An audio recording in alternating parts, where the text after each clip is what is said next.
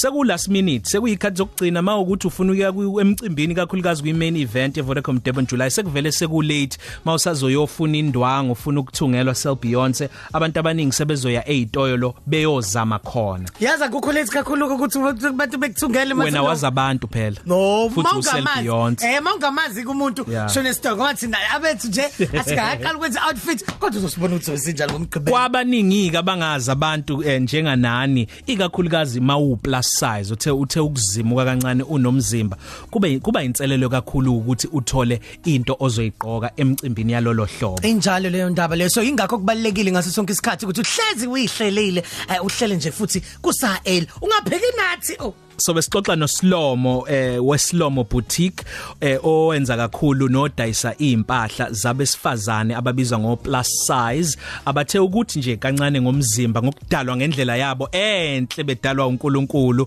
Wayiqala ngo2011 ke iSlomo boutique eh, usehambe wabukisa eindaweni eziningi ezahlukahlukene umhlaba wonke jikelele. Waba ingxenye ye Durban Fashion Fair waba ingxenye Essence Festival kanti useke waya futhi kwi Curvy convention eyayise United Kingdom ngo2016 Curvy convention convention. Abesifazane ke uyabona nje aba eindaweni ekuyizona zona. Bengamboni ukuthi usefikile.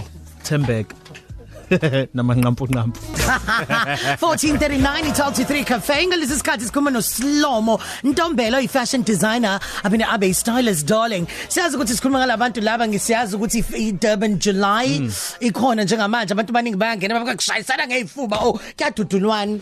Yabo makhulunya ngo plus size abesifazane abathe ukuthi ngomzimba. Eh. bengitshela ukuthi ngizongena uyabona nje intokazi enyathela ngabantwana. Hawu umncunyana Nkosi yami sawubona Silomo Yebo sanibona njani? Siyaphila njani? Ngisaphila nami. Yebo em umncane wena kodwa wakhetha plus size kanjani? Oh wow. Lento leyaqala ngo 2009 yes 10 years uh, wow. 10 years ago. Actually it's 10 years now. Yeah. And then mana sikushayela ihlombe. Yeah 10 years. um sanje ama ups and downs of business sengiya understand kancane so eqala ngokuthi ngisasebenzela u any designer nje yaziwayo la eThekwini yase the space mm. and wenzela abantu abancane kwasho ukuthi yaqala ngosisaba u2 two sisters Mhm. bexabana. Omunye ethi e plus size omunye e smaller Mm. and ingobe sasinayo esitolo yayincane. And then inhliziyo yami yaphatha kakhulungu ngalomunye owayengayithola ingubo. Ngoba babexabana lo munye bukela phansi lo munye. So i realized ukuthi khona igap. And eqala kanjalo sathola iboss yami ukuthi yazini ngeke ngisaba designela abantu abancane. Ngiqala ngidesignela abantu aba aba plus size. And then yashintsha yonke ke i concept yethu. To the point that manje it's it's it's isikhulile Yeah. you know? Mm. yeah so that's how it started. So i platform yeni ikhulile yona ukuthi nikwazi ukuthi ni ni ni ni ni cateration for i plus size for idudla or ithina lapha yeah yeah. So kodwa bona mawubuka ezitolo la singena khona masiyothenga retail um abona ngabe si- si- sinakekelwa kakhulu athi ngifake oh sinakekelwa kakhulu ngaleyo ndlela nakuma runways mangabe sihambe sibona ama models njalo njalo noma soke besifanje ngoba nebethi nje just nje. Eh eh na be- kuya- njengoba ngisho ukuthi sakhula baka abanye baka akakavuleka ingqondo. Yabo kakhulu. Abakwi runway yini la esafuneka khona ukuthi ishintshe lonto ngoba sometimes bayani bayafaka plus size i think usually egcineni babenza i like i last number ye show to just Yes. basically but they don't actually ayikho show no sayenza last year kwi Africa Fashion Exchange. Yeah. Um kahle kahle with igroup yami love curvy. Mm. uh which sama designers sonke ahlangena so 7 besifazane senze the plus size. Basifaka ku Africa Fashion and ya blow up. Yeah. Wow. Yeah. but ayikafiki kule standard ukuthi senze ODFF Mm. yabo? So kodwa siyeza ngifuna ukubuza njengowesifazane o- o- one boutique. Yebo. eThekwini noma emadolobheni amakhulu. Ingakanani inselelo ngoba ngiyabaza abantu abadayisa kum- beze kuthiwa amavula boot uyabo udayisa ebutini akudilivele kwakho.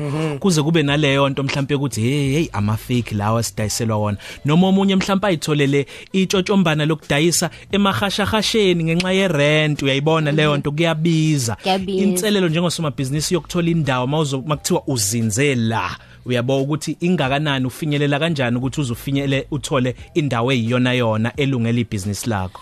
Ziningi ziningi izinto ofuna ukuthi ofuna ukuzenza ofuna uqala ubheka ukuthi la ufuna ukuvula khona labantu laba ozobadayisela emarket yakhe khona yini. And then i rent mina what any reason yokuthi ngivale itolo zami was because ngakhokha i rent eningi. Ngangise morning side ngakhokha almost 15000 ngenyanga.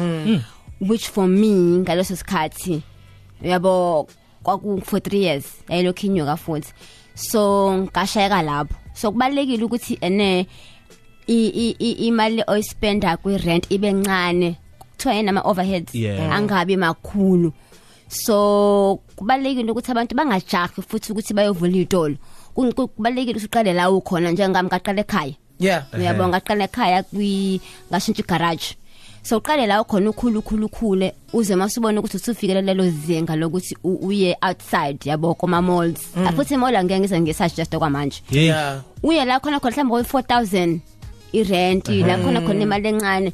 Ukhule kancane ungajahi ukuthi usukele usuke ku 0 ye 100 100 uyabo? yeah. So kodwa indawo sona khona njengamanje nje nami ngiyabheka. Yeah. Eh nje ya sikhona so um siyazi ukuthi ucaterisha and kuleli viki leli busy caterisha for ama plus size. Uyawa designela bona abantu abancane ngomzimba?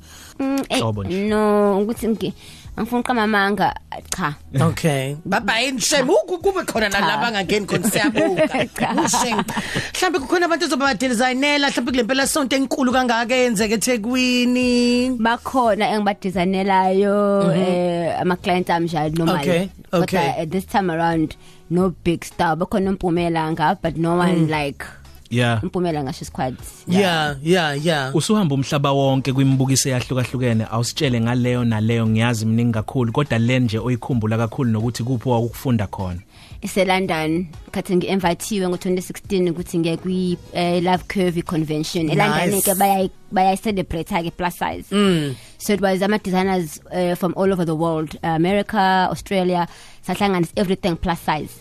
And ngathola ukuthi lapho ngi- ngi- ngihlangana nabanye amanye ama boutiques eh sakhuluma kandaba ukuthi ngisupply yabo phesheya Yeah. eh eh, eh, eh, Dublin. That was a highlight for me. Ngabuya naleyo concept nje last year ngayilaunch yami plus size convention eHillcrest. Success. Yeah. So ngathatha phesheya ngabuya nami. Ngazokwenza lana ngifuna ama tips sesivalelisa silomo kwabesifazana abawu plus size ukuthi yebo ungayithanda into mayigqokwe umini dlamini igqokwe ubonanga. Kodwa wena na nangezinwebe. Kanje. Nangezinwebe. Ngingaqhwa kanje. Ukuthi eziphi izinto ezisebenzela umuntu wesifazane o plus size uma efuna into yokugqoka? Ukuthi mina ngizothini? Ngesi ngesizulu kuba conservative. Kodwa ene ukufuneka umzimba ungawuvezi kakhulu yabo? Kungabi sokuthi ngoba ubona umunye one one one six pack yabo? Ehhe. nawe usufuna abo uvale nje nakhona izinto ezithengwa ezinye nje yabo? Ukuthi umzimba Ubuyele uhlangane. phakathi angasakusabalala nje yabo? ukhuluma ngesise esikhulu oh Sean Sean. Uyiqoqe nje ube muhle yabo? Kubalekile nje. Imbala ikhona imbala kuyiyona esebenzela abesifazane aba plus cha size. mina ke ngi ngi all bright all things bright and beautiful. Ah okay. Siyabonga uNkulunkulu kakhulu. wasakha nje ukuthi imbala yonke i-rainbow. Yes. Isebenzise sikuthola kuphi ke inkundleni zokuxhumana mhlawumbe ngabe sikudinga? Ngitholakala ku Facebook ku Silomos Boutique Silomo Silomo. Silomo C S I L O M O Eh. S Boutique Eh. and na ku Instagram same Silomos Boutique and then na ku WhatsApp yeah 07 0716860975 ayiphinde? 0716860975 ku WhatsApp siyabonga kakhulu Silom ngiyabonga kuba nani. Siano, Siano, Beyonce. Now.